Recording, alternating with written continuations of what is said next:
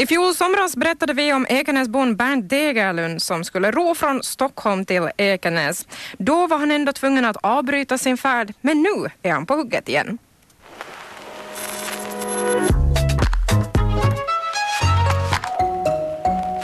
God morgon, god morgon Bernt. Var finns du? På... God morgon, god morgon. För tillfället så är jag faktiskt rakt utanför Tulludden i Hangö. Oho, Ja. Du har kommit alltså ganska långt eh, på färden. När har du riktigt startat från Stockholm? Jag startade onsdag morgon förra veckan. Då är jag med iväg. Vad är det nu? Ja, du har kommit nästan hem alltså. Eh, Räknar du med att komma hem ännu till Ekenäs idag alltså? Det vet jag inte. Det tar dagen som det kommer. Det är skönt att fara så här långt åtminstone.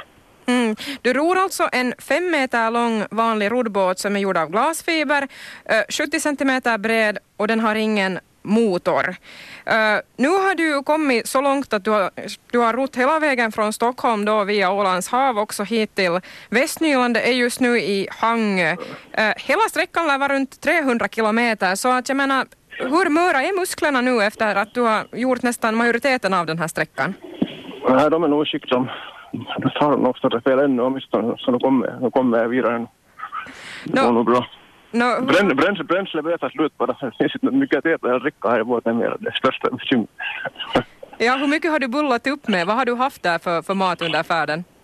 Ja, allt möjligt som man har kunnat plocka i sig. Och inte, som inte väger så mycket.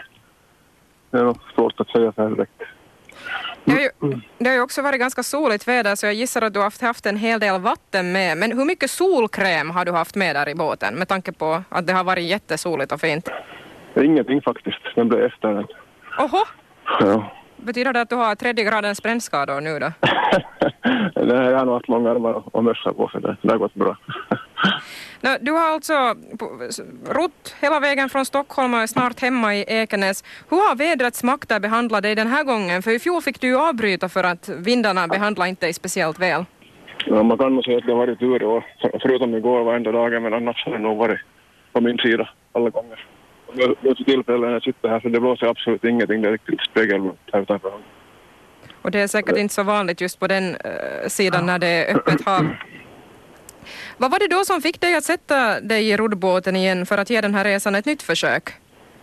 Ja, vet du, man, man är nog den som inte ger upp i första hand. Om man en gång beslutar någonting så, så är det nog bara så. Det är mycket vilja här i Ekenäsbon. Bernt Degerlund alltså som har rott från eh, Stockholm och är snart hemma i Ekenäs tillbaka.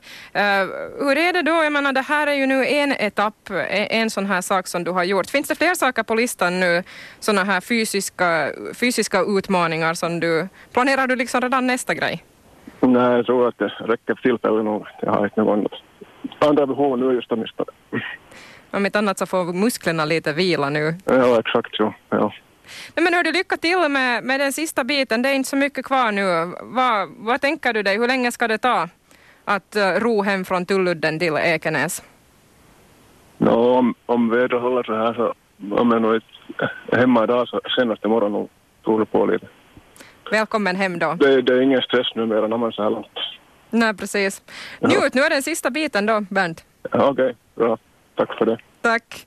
Och orsaken till den här roddresan alltså som, som Bernt eh, nu har gjort och är nästan klar med så hänger ihop med en annan grej som han gjorde för några år sedan.